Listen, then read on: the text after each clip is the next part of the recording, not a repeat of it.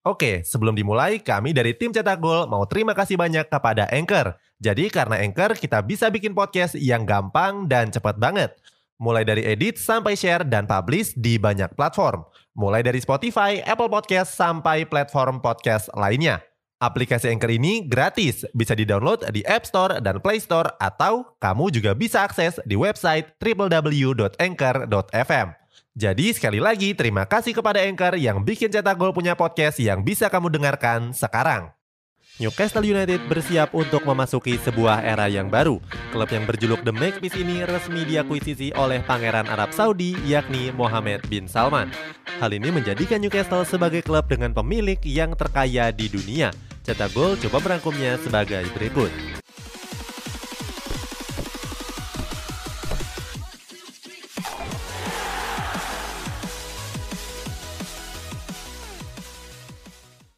Minat awal sang pangeran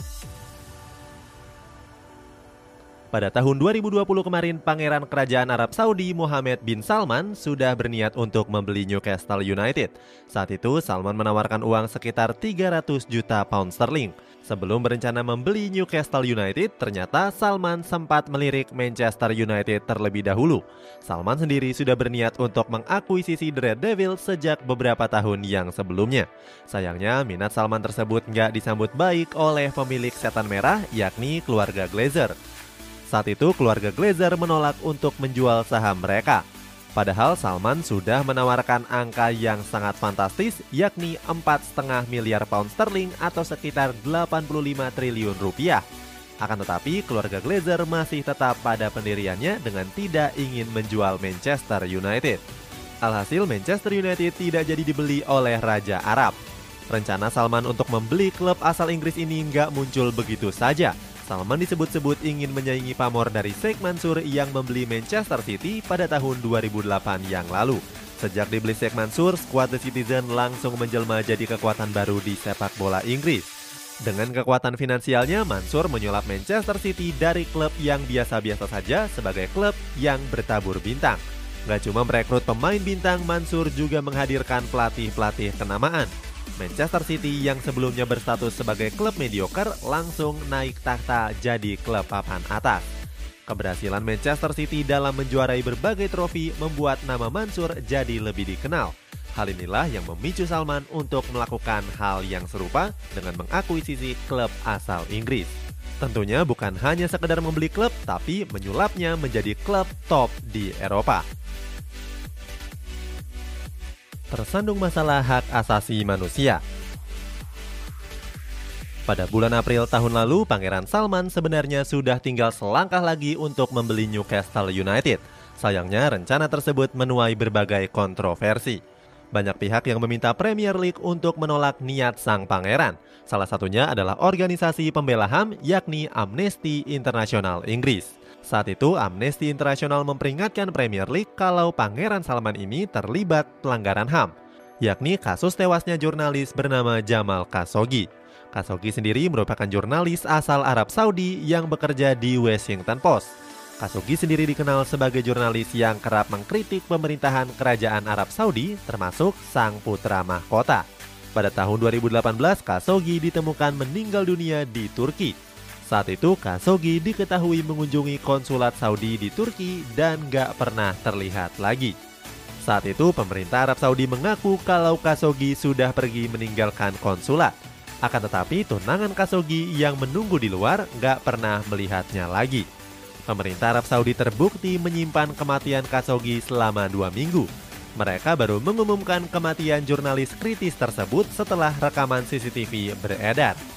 Sampai saat ini jasad Khashoggi masih hilang dan belum ditemukan. Menurut media dan kabar yang beredar, Pangeran Salman adalah dalang di balik pembunuhan Khashoggi. Oke, sebelum dilanjut, ada yang penasaran nggak? Gimana caranya bikin dan nyebarin podcast yang kayak gini?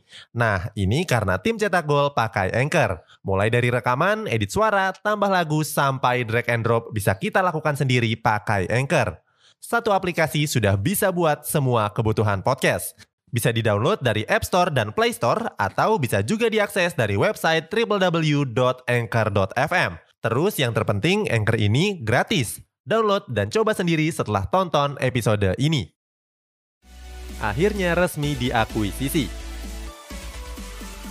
Satu tahun setelah gagal, pada akhirnya Pangeran Salman bisa membeli Newcastle United. Salman mengakuisisi skuad The Magpies lewat perusahaannya yakni Public Investment Fund. Public Investment Fund atau yang biasa disebut sebagai PIF mengambil alih 100% saham Newcastle United dari pemilik yang sebelumnya yakni Mike Ashley. Akuisisi ini juga sudah disetujui oleh pihak Premier League. PIF sendiri menegaskan kalau dana pembelian saham Newcastle United bukan berasal dari kas negara Arab Saudi.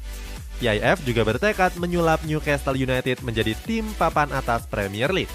Selain itu, mereka juga berjanji akan mengelola skuad The Magpies secara profesional. Keberhasilan Salman dalam mengakuisisi Newcastle United ini juga nggak terlepas dari selesainya masalah siaran Premier League yang melibatkan Arab Saudi dan stasiun televisi Bein Sports. Sebelumnya, Arab Saudi memblokir siaran Premier League yang ditayangkan oleh Bein Sports. Akan tetapi muncul BOQ yang menayangkan laga Premier League di Arab Saudi secara ilegal. Arab Saudi sebenarnya sudah membantah kalau mereka terlibat dengan stasiun pembajakan tersebut. Akan tetapi beredar fakta kalau BOQ berkantor di ibu kota Arab Saudi yakni Riyadh. Hal ini membuat Bein Sport jadi meradang dan menuding Arab Saudi telah melindungi pembajakan siaran. Walaupun begitu, kedua pihak sudah berdamai. Dirayakan besar-besaran,